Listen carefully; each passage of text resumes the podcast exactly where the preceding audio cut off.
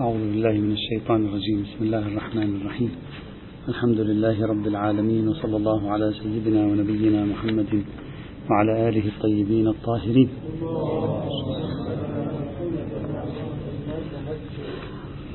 كنا نتكلم في العناصر التي والمفاهيم التي تكون تصور الفقه الإسلامي والاجتهاد الإسلامي لموضوع التعليل والتعميم والتعدي عن النص وما شابه ذلك.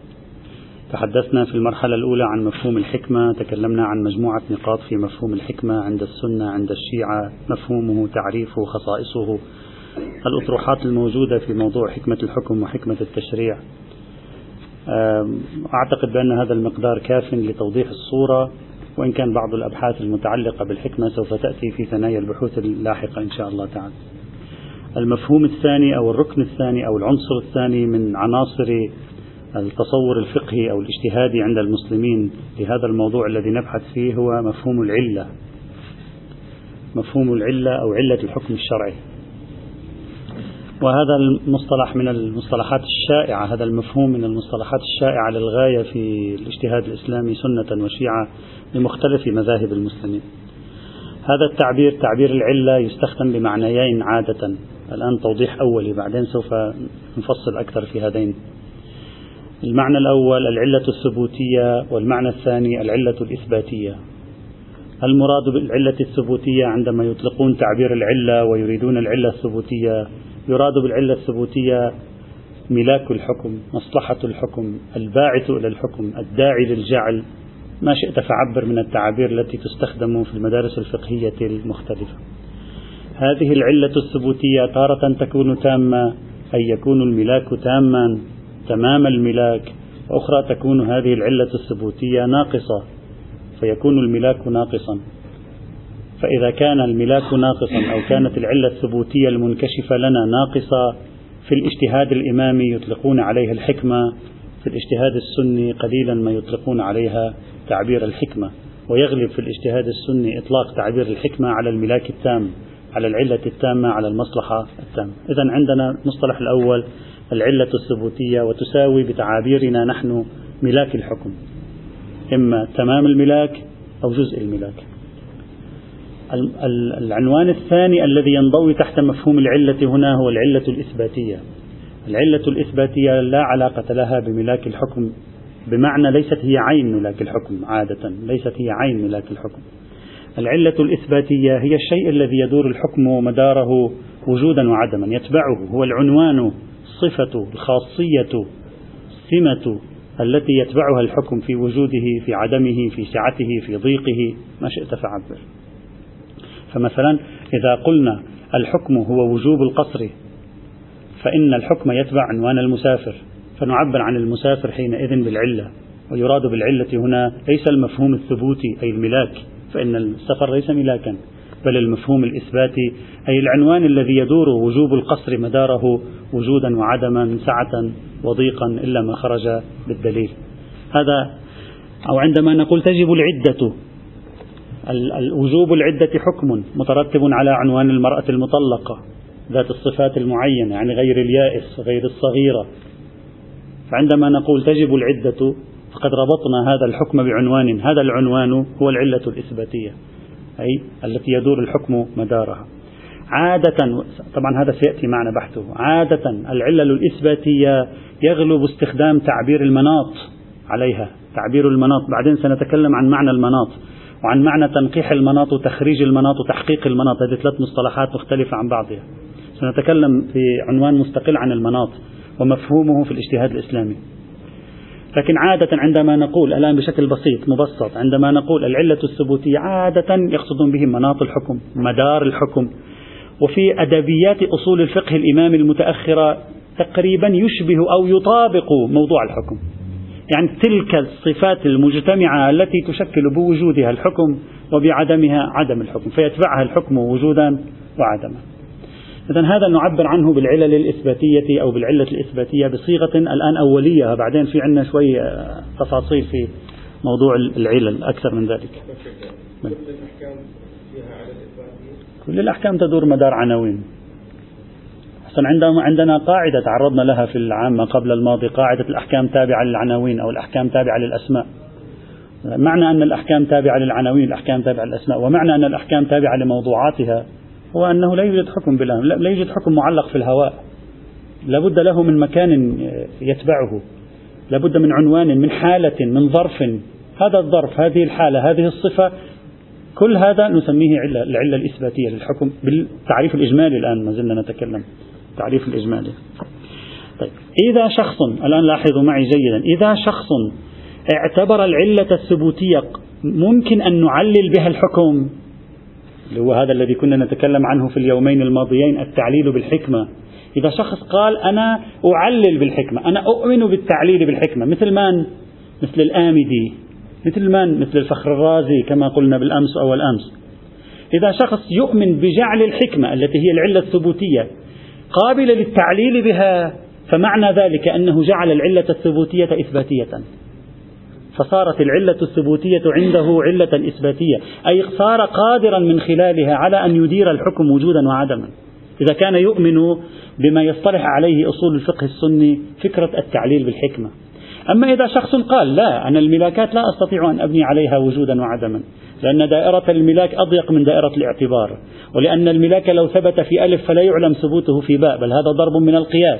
إذا شخص لا يقبل فإذا التعليل العلة الثبوتية عنده لا تكون علة إثباتية بل تبقى على ثبوتيتها ويستفاد منها في مكان آخر. إذا هذا هو الفرق الجوهري بين العلة الثبوتية والعلة الإثباتية. الفقيه على تماس مع العلل الإثباتية. العلل الإثباتية هي التي تنفعه في الفقه توسع وتضيق الأحكام تغير دلالة الأحكام. سيأتي معنا حكم ممكن يكون تحريم العلل ممكن تجعله مثلا كراهة حكم ممكن يكون وجوب العلل تجعله مثلا استحبابا وما شابه ذلك. هذا سيأتي إن شاء الله تعالى أيضا. ملاك الحكم. أما أما كل بحثنا حتى الآن آه، أظن أشرنا سابقا كل بحثنا هو في تحليل المفاهيم من حيث ذواتها وهي بما هي هي ماذا يمكن أن تنتج؟ أما ظواهر الألفاظ ماذا نفهم منها؟ كيف أفهم أن هذه حكمة؟ كيف أفهم أنها علة تامة ثبوتية؟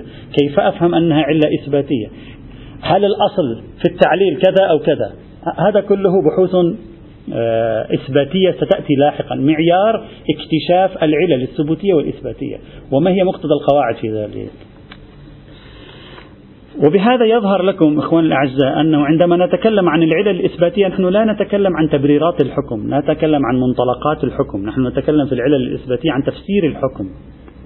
يعني أنا إذا كنت أستخدم العلة الإثباتية إنما في الحقيقة أستخدمها لأفهم الحكم.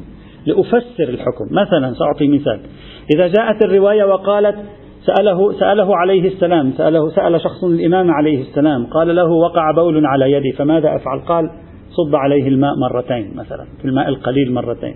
ومعنى هذه الفكرة إذا أنا قلت لا خصوصية لليد. لا مدار الحكم ليس اليد. مدار الحكم البدن. أو مدار الحكم مطلق الشيء العين. سواء كان بدنا سواء كان خشبا سواء كان حديدا إلا ما خرج بالدليل. نفس هذه العملية نفس أن أقول مدار الحكم ليس اليد بواسطة فهم عرفي طبعا آه، له مقوماته. نفس أن أقول مدار الحكم ليس اليد مدار الحكم مطلق العين وبالتالي أنا أطهر بالماء القليل من نجاسة البول مرتين في أي عين من الأعيان إلا ما خرج بالدليل. نفس ذلك معناه أنني أحاول أن أفهم الحكم. صحيح أو لا أنا لا, لا أبحث عن منطلقات الحكم تبريرات الحكم المولى لماذا جعل الحكم. هذه القضايا لا تعنيني الآن. أنا في العلل الإثباتية أريد أن أفهم الحكم. لماذا ما معنى أريد أن أفهم الحكم؟ أريد أن أفهم سعته ضيقه أين يكون أين لا يكون. فرق بين أن أقول التطهير مرتين بالماء القليل في نجاسة البول منصب على عنوان اليد وبين أن أقول التطهير بالماء القليل مرتين في نجاسة البول منصب على عنوان البدن أو مطلق العين. فرق كبير بينهما. ففي الحقيقة أنا عندما أقوم بعملية التعليل وسنرى أن هذه في الحقيقة هي شكل من أشكال التعليل عندما أقوم بعملية التعليل أنا أريد أن أفهم الحكم. أنا دوري مفسر لما يريده المتكلم في بيان الحكم. ليس دوري وراء تفسير كلامه غاياته منطلقاته ولماذا جعل الحكم كذا وليش ما جعل الحكم. هذا ما يعنيني. نعم أحيانا التعليل بالحكمة أنطلق من ملاكاته من أغراضه نحو العلة. فقط في باب التعليل بالحكمة كما قلنا سابقا وشيعيا لا يتعارف التعليل بالحكمة خاصة إذا كانت ناقصة كما ذكرنا ذلك في الأيام الماضية. وبهذا نعرف أن موضوع التعليل بالعلة الإثباتية هو أحد أهم أوجه التعدي عن حرفية النص.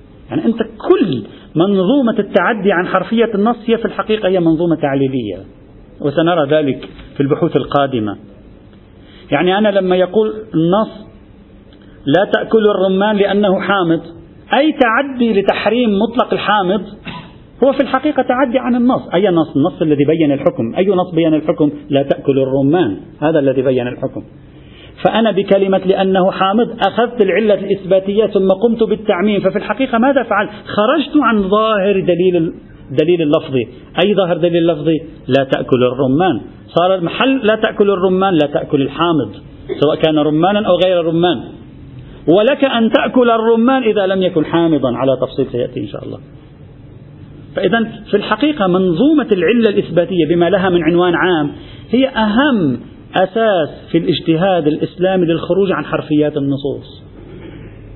لما الوحيد البهبهاني آه، والشيخ المطهر يقولون بعض المتشددين الإخبارية كان يقول إذا أردنا أن نكتب على الكفن نكتب إسماعيل يشهد أن لا إله إلا الله حتى لو كان المتوفى اسمه آه، جعفر أو خليل أو محمد أو آه، زياد ما شئت. يقول لأن الإمام لما أمرهم أمرهم يكتبوا على كفن ابنه إسماعيل يشهد أن لا إله إلا الله ونحن نأخذ بحرفية النص. ما معنى أنك لا توافق الإخبارية على ذلك؟ معناها أنك ترى كلمة إسماعيل ليست هي موضوع الحكم. ليست هي الشيء الذي يدور الحكم. الشيء الذي يريده الحكم هو كتابة اسم الشخص المتوفى لا اسم إسماعيل بعنوانه. كل هذا نسميه في الاجتهاد الإسلامي نظام التعليل اللي هو أساس لكل قواعد التعدي عن النص. وسنرى أن إلغاء الخصوصية عرفا مناسبات الحكم والموضوع أخذ الحكم على نحو الطريق أخذ العنوان على نحو الطريقية إلى الموضوعية إلغاء العلة المنصوصة تنقيح المناط كلها هذه ليست سوى فروع لشجرة واحدة اسمها شجرة العلة الإثباتية التي اعتمدها الفقه الإسلامي بمدارسه. طبعا بعضهم توسع مثل أهل السنة وبعضهم ضيق. هذه كانت مقدمة لنفهم ما هو المراد من العلة في بحثنا هنا؟ لكي أمنهج البحث في موضوع العلة الإثباتية سنتكلم عن مجموعة نقاط. النقطة الأولى. مفهوم العلة هنا وتمايزه عن مفهوم العلة الفلسفية حتى لا يقع خلط بين المفهومين في بحثنا هنا. سابقا نحن في خاصة في بحث فقه المصلحة تكلمنا عن هذا الموضوع الذي سأقوله الآن. أشرنا له إشارات لكن الآن سوف أوضحه بشكل أجل ما معنى العلة في باب الشريعة في باب الشرعيات؟ لما نقول علة الحكم السفر علة للحكم بالقصر. ما معنى كلمة علة هنا؟ كلمة علة في اللغة العربية لها معنى. هجر. في أدبيات الكتب الإسلامية التخصصية. أخذ كلمة العلة الفلاسفة والمتكلمون وصار لها معنى خاص. العلة صار لها معنى خاص. هل هذا المعنى الذي أخذناه من الفلسفة وعلم الكلام أي العلة الإيجادية ما يوجد الشيء هل هو المراد من بحث العلة في موضوع العلة هنا أو لا؟ العلاقة بين العلة بشكل كلي وبين بحث الشرعيات في ثلاث اتجاهات في تاريخ الفكر الإسلامي. أختصرها يعني ثلاث اتجاهات المركزية في تاريخ الفكر الإسلامي. الاتجاه الأول وهو يعتقد بأن العلة هي علة حقيقية إيجادية بتمام معنى الكلمة فلسفيا. عندما أقول ألف علة لباء ألف علة للحكم الذي هو باء فهذا معنى أن ألف يحمل الخصائص العلية التامة التي ندرسها في الفلسفة فهو موجد حقيقي لباء. وهذا القول هو القول المنسوب لبعض المعتزلة. نسب هذا القول لبعض المعتزلة أنهم لما يتكلمون عن العلل في باب الشرعيات يقصدون العلل بمعناها الفلسفي والكلامي ويتعاملون معها بنفس التعامل بل يصرحون بذلك. توجد كلمات القاضي عبد الجبار المعتزلي وغيره أيضا في هذا المجال. هناك كتاب أنصح الإخوة إذا أرادوا أن يطلعوا على الاتجاهات المعتزلة في الدراسات الشرعية. في الدراسات الشرعية. لأنه عادة نحن نعرف المعتزلة في علم الكلام. لكن المعتزلة لهم آراء كثيرة في قضايا الفقه والأصول. الذي يريد أن يتعرف على المعتزلة في مجال الدراسات الأصولية يعني في أصول الاجتهاد الإسلامي يوجد كتاب جمع لب لباب أفكارهم. وهو كتاب لطيف جيد في حوالي 600-700 صفحة.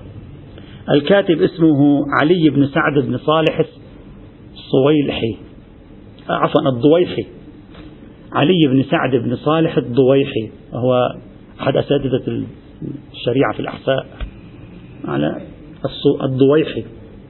عنده كتاب لطيف موجود نسخة بي دي اف في الإنترنت موجود نسخة ورقية موجود منه.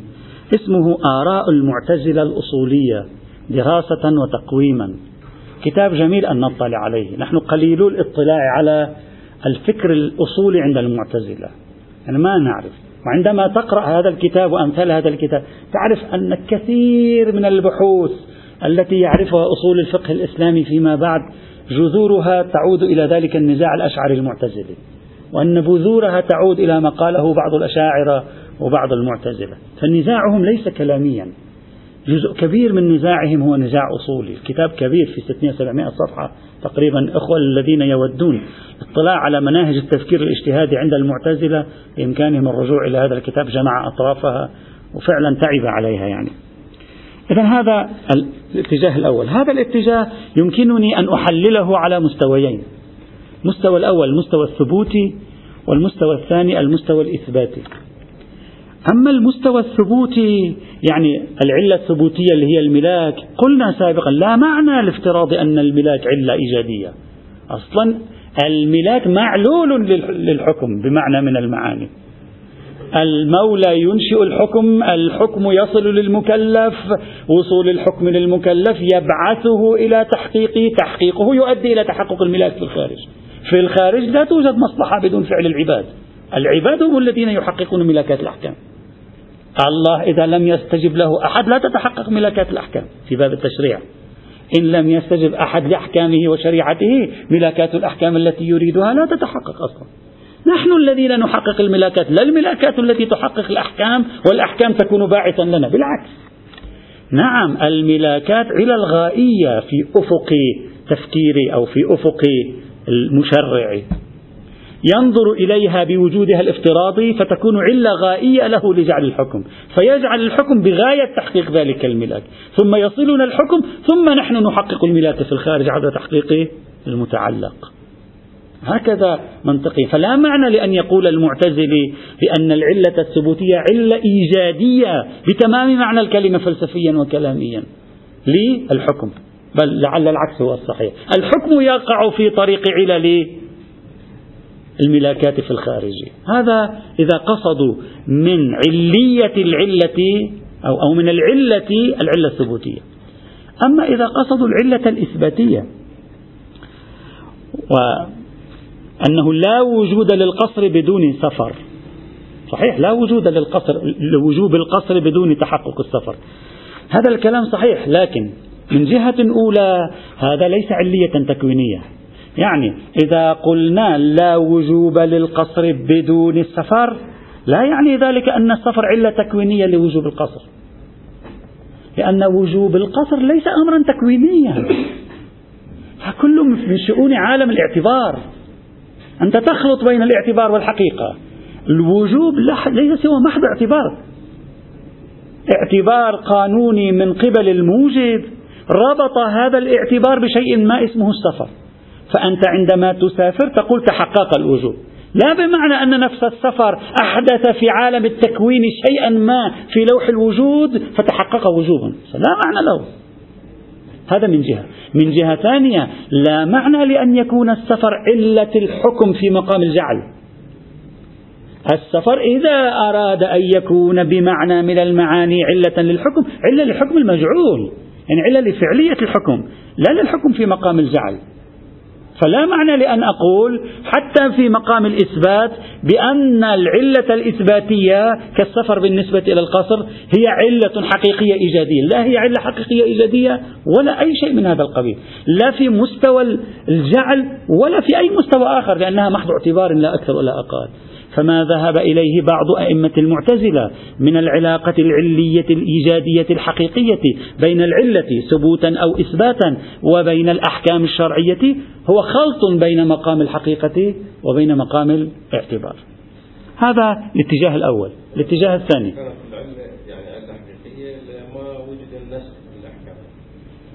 لا ممكن تتغير التكوين يتغير فتتغير الأحكام. يعني إذا أراد أن يشاكس هذا المعتزلي يمكن أن يشاكسك ويقول آه، النسخ ليس سوى تعبير عن حدوث تحول تكويني في الواقع أدى إلى تحول في الحكم. طبعا هو بالوجدان يشعر الإنسان أنه ثقيل لكن على يتحل لعل الذي تقولونه يعني بعنوان منبه أيضا للقضية. الاتجاه الثاني في العلاقة بين العلة وبين الحكم وهو اتجاه منسوب لبعض الأشاعرة ليس لجمهور الأشاعرة بعض الأشاعرة. بعض الأشاعرة. ماذا قالوا؟ قالوا لا يوجد بين العلة وبين الحكم أي علية بالمعنى الحقيقي للكلمة قبل الجعل. قالوا بعد أن يجعل الله الأحكام تنشأ العلاقة العلية بينهما. يعني السفر والقصر لا يوجد بينهما أي ارتباط تكويني أي ارتباط حقيقي. بعد أن يأتي الله سبحانه وتعالى ويقول السفر علة للقصر تنشأ هذه العلاقة الوجودية الحقيقية ما بين السفر وما بين القصر. فهؤلاء أقروا بالعلية الحقيقية بين العلة وحكمها لكنهم قالوا هذه العلية متفرعة على الاعتبار يعني بعد الاعتبار التشريعي بعد الجعل الحكمي تأتي هذه العلية. هذا ما يذكره بعض أئمة الأشعرية. وهذا الكلام ليس له معنى أيضا في مقام الثبوت بل هذا أغرب من سابقه لأن الاعتبار لا يحدث تأثيرا في التكوين.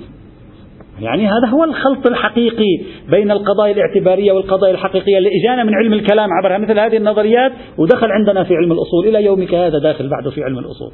كما يشير إلى ذلك العلامة الطباطبائي رحمة الله تعالى عليه. هذا خلط. أصلا اعتبار ليس شيئا حقيقيا. يمكن أن يكون علة لأمر حقيقي. الشيء الاعتباري الذي ليس له وجود حقيقي بمعنى تكويني عيني حقيقي خارجي. كيف يمكنه أن يكون منشأ لآثار تكوينية حقيقية؟ يعني إذا جاء واحد الآن وقال أنا أعتبر النار منتجة للثلج هل هذا الاعتبار يتعقل في لحظة ما أن يكون منتجا يجعل النار منتجة للثلج؟ لا يمكن. إلا يكون في داخل الأمر التكويني في داخل نفس هذا الإنسان شيء ما يؤدي تكوينا إلى التدخل في هذه النار. لا الاعتبار لوحده اعتبار اعتبار هذا. لا قيمة له. فأي معنى لأن يقول الأشعري بأن الاعتبار هو الذي خلق قانون العلية بين العلة وبين حكمها؟ هذا أيضا لا معنى له ولا وجه له على الإطلاق. لأن المعتبر هو الله بما هو معتبر. لا بما هو مكون. نحن نتكلم الآن مع الله بوصفه مشرعا. لا مع الله بوصفه مكونا. مع الله بوصفه مكونا يصبح هو بوصفه مكونا لا باعتباره بوصفه مكونا محدثا لعلية ما. الاعتبار في حد نفسه لا يحدث علية أبدا. ولهذا أظن أظن غالب الظن أن ما قصده هؤلاء الأشاعرة هو ليس إلا العلاقة بين العلة الإثباتية وبين الحكم. أرادوا أن يعبروا عنه كانت اللغة التخصصية ما تزال في بداياتها في القرون الهجرية الأولى أرادوا أن يعبروا عنه عبروا بالعلية أنه بعد الجعل تحدث العلية وقصدهم من ذلك بعد أن ينشئ الله القصر مترتبا على السفر حينئذ إذا سافر الإنسان يترتب عليه القصر. وكل هذه الترتبات اعتبارية نعم توجد ترتبات لكنها كلها في صقع الاعتبار وليس في عالم الحقيقة الخارجية على الإطلاق. كما هو واضح. هذا الاتجاه الثاني الاتجاه الثالث. وهو الاتجاه المنسجم مع التفكير الأشعري. وسنرى أن بعض علماء الإمامية أيضا يتعاملون مع القضية بهذه الطريقة. وعلى رأسهم الإمام الخميني رحمة الله تعالى عليه كما سأقول سأشير الآن. الاتجاه الأشعري الاتجاه الأشعري هو في علم الكلام لا يؤمن بالعلية. بدك إياه يؤمن بالعلية في, في الشرعيات؟ هو في التكوينيات لا يؤمن بالعلية. الأشاعرة في التكوينيات لا يؤمنون بالعلية يؤمنون بقانون العادة. جرت العادة أن الله ينشئ الحرارة بعد أن بعد أن يوجد النار، وإلا لا توجد أي علاقة بين النار والحرارة، وهذا التقارن بين النار والحرارة جعلنا نتصور دائما أنه إذا أجت النار تجي الحرارة وراءها، نظرا للعادة الإلهية، هذا الشيء اللي بعدين إجا هيوم فيلسوف هيوم أخذه وصاغه على لا أدري إذا أخذه لكن هو بعينه تقريبا وصاغه على طرائق الفلسفة الغربية. قال أصلا تداعي المعاني ولا يوجد علية في الخارج أصلا بين الأشياء. طيب بناء عليه ماذا قالوا؟ قال نحن في القضايا الحقيقية لا نؤمن بالعلية الإيجادية. تريدنا في القضايا الشرعية نؤمن بالعلية الإيجادية. طيب هذا الأشعري الذي قال أنا لا أؤمن بالعلية الإيجادية هو على يده هذا الأشعري أسس القياس. على يد الأشاعرة فقهاء الأشاعرة وأصولي الأشاعرة ظهرت نظرية العلة في باب القياس كيف استطاعوا أن, أن يفهموا العلة؟ هم أصحاب كلمة العلة. أصلا إذا هو هذه العلة لها رب في أصول الفقه السني ربها هم هؤلاء الغزالي والفخر الرازي وأمثالهم. فكيف استطاعوا أن يقولوا في الأصول نحن عندنا علية ولكن أصل الموضوع ليس عندنا علية فيه. قالوا نعم نحن نؤمن بالعلية في باب الشرعيات لكن العلية لا تعني العلية الإيجادية. العلية تعني المعرفية. معرف فقط. يعني السفر عندما يتحقق يعرفني أن الله جعل هنا يوجد هنا حكم لله اسمه القصر. لا توجد علاقات حقيقية تكوينية أصلا. علاقات حقيقية تكوينية بين الأحكام وموضوعاتها غير موجودة. بين الأحكام وعناوينها غير موجودة هذا الكلام كله خلط الحقيقة بالاعتبار إذا ما الذي يوجد؟ يوجد أنه بيجي مقنن يقول أنا أوجب عليكم القصر عند السفر فهذا العبد المسكين المستكين عندما يحصل السفر في الخارج ماذا يقول؟ يقول هذا تحقق السفر في الخارج يعرفني أن هناك وجوبا في حقي هو القصر هذا معنى العلية. لا تخلط الفلسفة بالدراسات الشرعية لا تخلط الحقيقة بالاعتبار. لا يوجد أكثر من ذلك. ولذلك ماذا قال الغزالي؟ له عبارة مهمة. قال اعلم أننا نعني بالعلة في الشرعيات مناط الحكم أي ما أضاف الشرع الحكم إليه وناطه به ونصبه علامة عليه. فقط علامة هذه لا أكثر ولا أقل. الغزالي في كتاب المستصفى. وفي موضع آخر الغزالي يقول له عبارة يقول لا معنى لعلة الحكم إلا علامة منصوبة على الحكم. يعني الله جعل مسكرية المسكر علامة على حكم الحرمة فيه فقط. فعندما ترون العلامة قولوا بأن الله له حكم هنا. اعلموا بأن الله له حكم هنا. مثل لما تروا علامة في الطريق تشير إلى جهة السهم فاعلموا أن الطريق من هنا. شو هي السهم هو الذي جعل الطريق هكذا؟ السهم لم يجعل الطريق هكذا. السهم دلني على الطريق لا أكثر ولا أقل.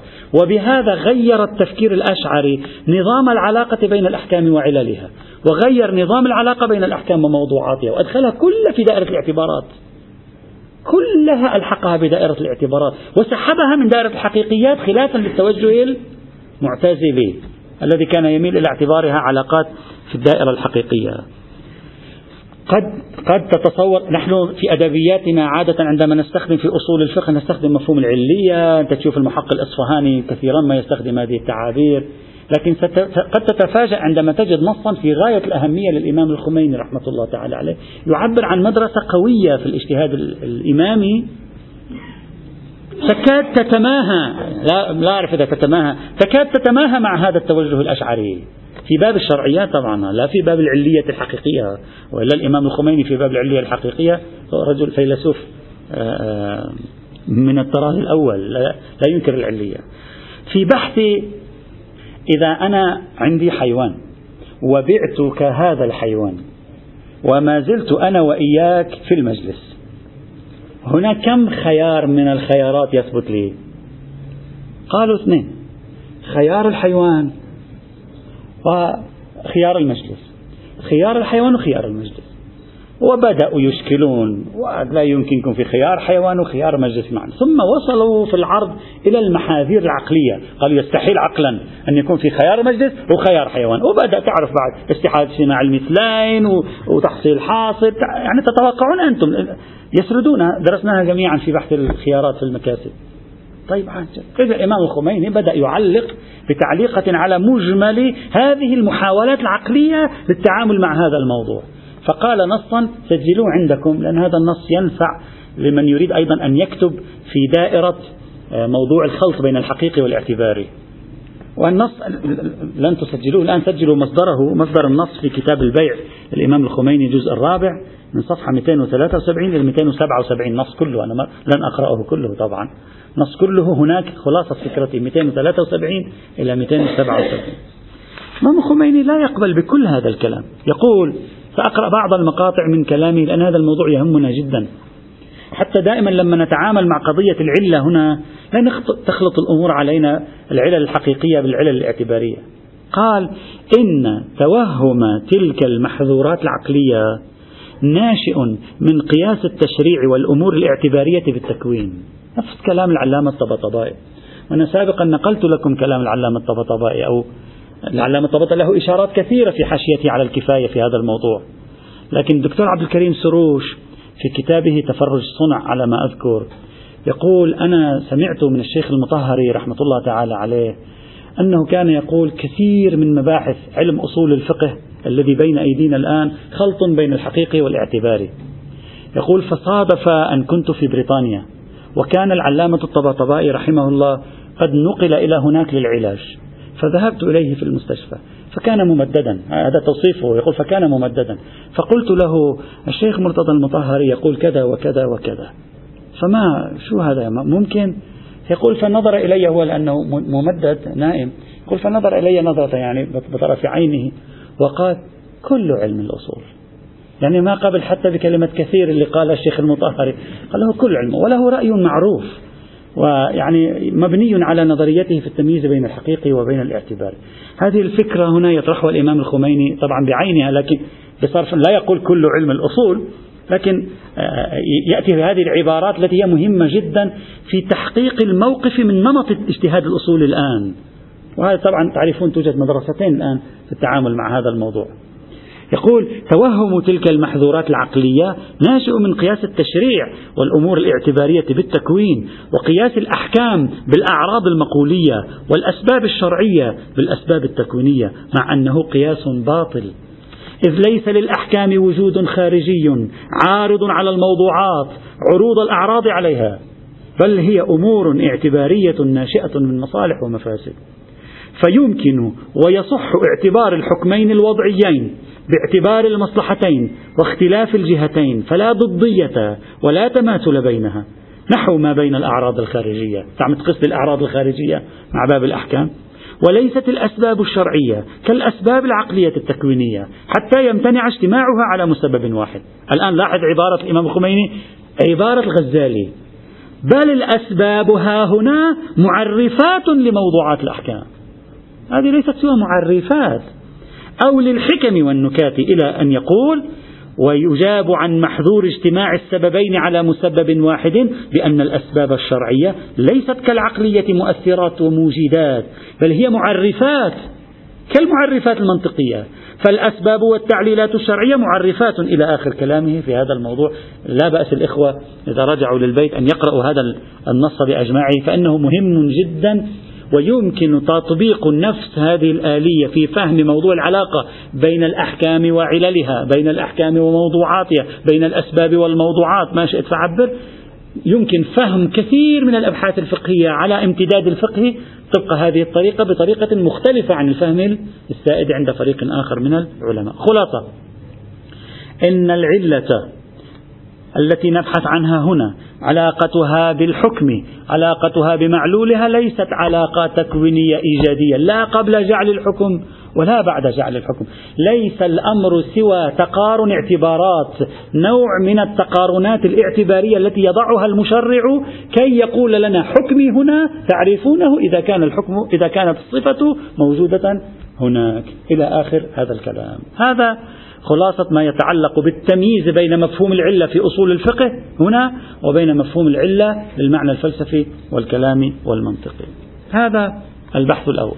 البحث الثاني. لكي نفهم البحث الثاني هو عبارة عن ألوان التخصيص في العلة من حيث الحكم المخصص. ضع عنوانا ألوان التخصيص بالعلة من حيث الحكم المخصص. ما معنى أن معروف بينهم العلة تعمم وتخصص؟ معروف بينهم العلة معروف مش كلهم يقولون هكذا. بعدين رح تيجي نظريات أخرى. معروف بينهم العلة تعمم وتخصص. ما معنى تخصص العلة؟ نريد أن نفكك المفاهيم. ما معنى تخصص العلة؟ وكيف يمكن أن أتصور تخصيص العلة للحكم؟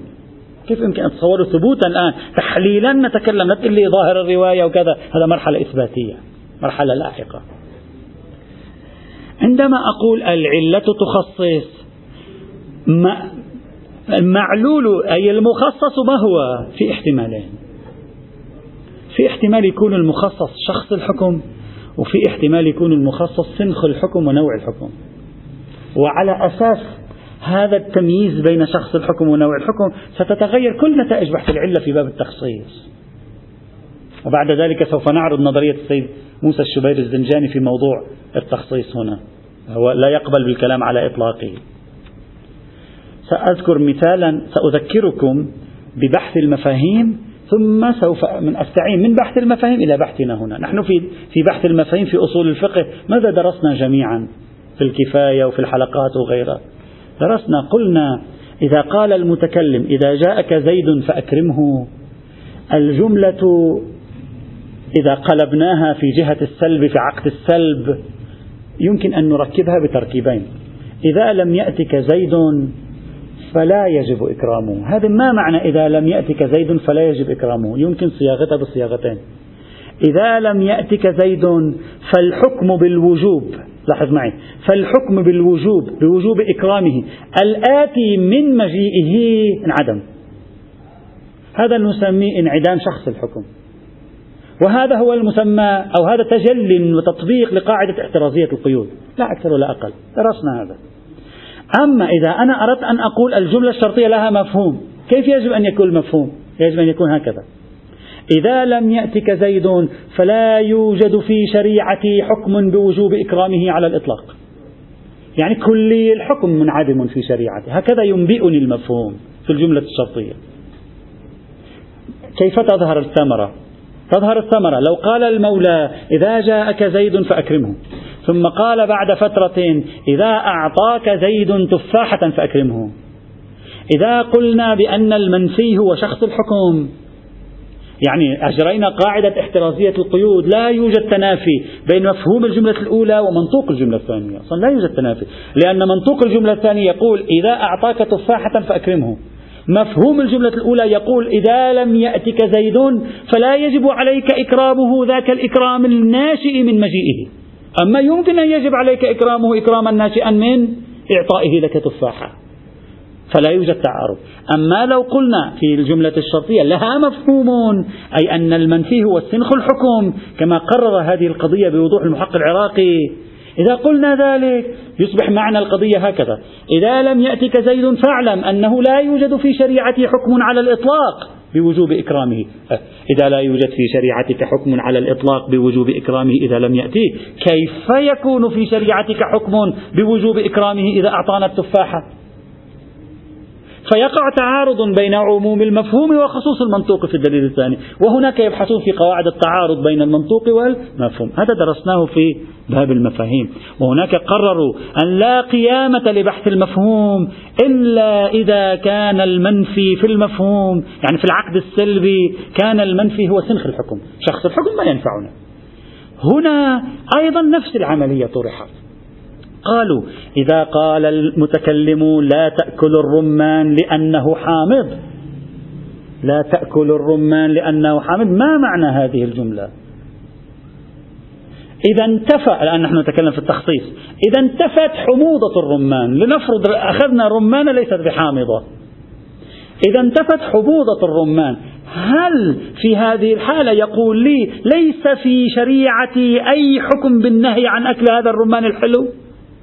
إذا معنى كلمة لا تأكل الرمان لأنه حامض هو لأنه حامض. معنى التعليل يعني معنى العلة هو لا حكم بنهينا عن أكل الرمان إن لم يكن حامضا. إذا كان كذلك هنا نقول التعليل يخصص. ما معنى يخصص؟ يعني ينشئ لي حكما كليا اسمه لا يوجد نهي عن أكل الرمان إلا إذا كان حامضا. هذا معنى أنه يخصص. أما يخصص بالمعنى الكلي. أما لو كان معنى لا تأكل الرمان لأنه حامض. أنه لو كان غير حامض فالحكم بعدم أكل الرمان لا يسقط مطلقا. فقط الحكم بعدم أكل الرمان الموجود في هذا الدليل. يعني الموجود في شخص هذا الحكم يسقط بقاعدة احترازية القيود. يعني يمكن أن يكون هناك حكم بأكل بالنهي عن أكل الرمان إذا كان لونه أحمر من باب الحمرة لا من باب الحموضة. هنا طرحوا قالوا ما هو ما الذي يجري في التخصيص في باب العلل؟ هل يجري تخصيص سنخ الحكم أو يجري تخصيص كلي الحكم؟ إذا جرى تخصيص سنخ الحكم يعني إن لم يكن الرمان حامضا هذا الحكم بالنهي الموجود في هذا الدليل انتفى. أما لو كان المنفي أي التخصيص هو تخصيص راجع إلى كلي الحكم يعني لا يوجد نهي عن أكل الرمان إن لم يكن حامضا مطلقا في الشريعة. نعلن نعلنها بنحو الموجبة الكلية أو السالبة الكلية. والآثار المترتبة على الجانبين متعددة. يأتي إن شاء الله تعالى ويأتي عرض نظرية السيد الزنجاني فيما يتعلق بهذا الموضوع وكيفية تقريبه للقضية والحمد لله رب العالمين. ماذا يقصد من المعرفات المنطقية؟ كلام. مثل مثل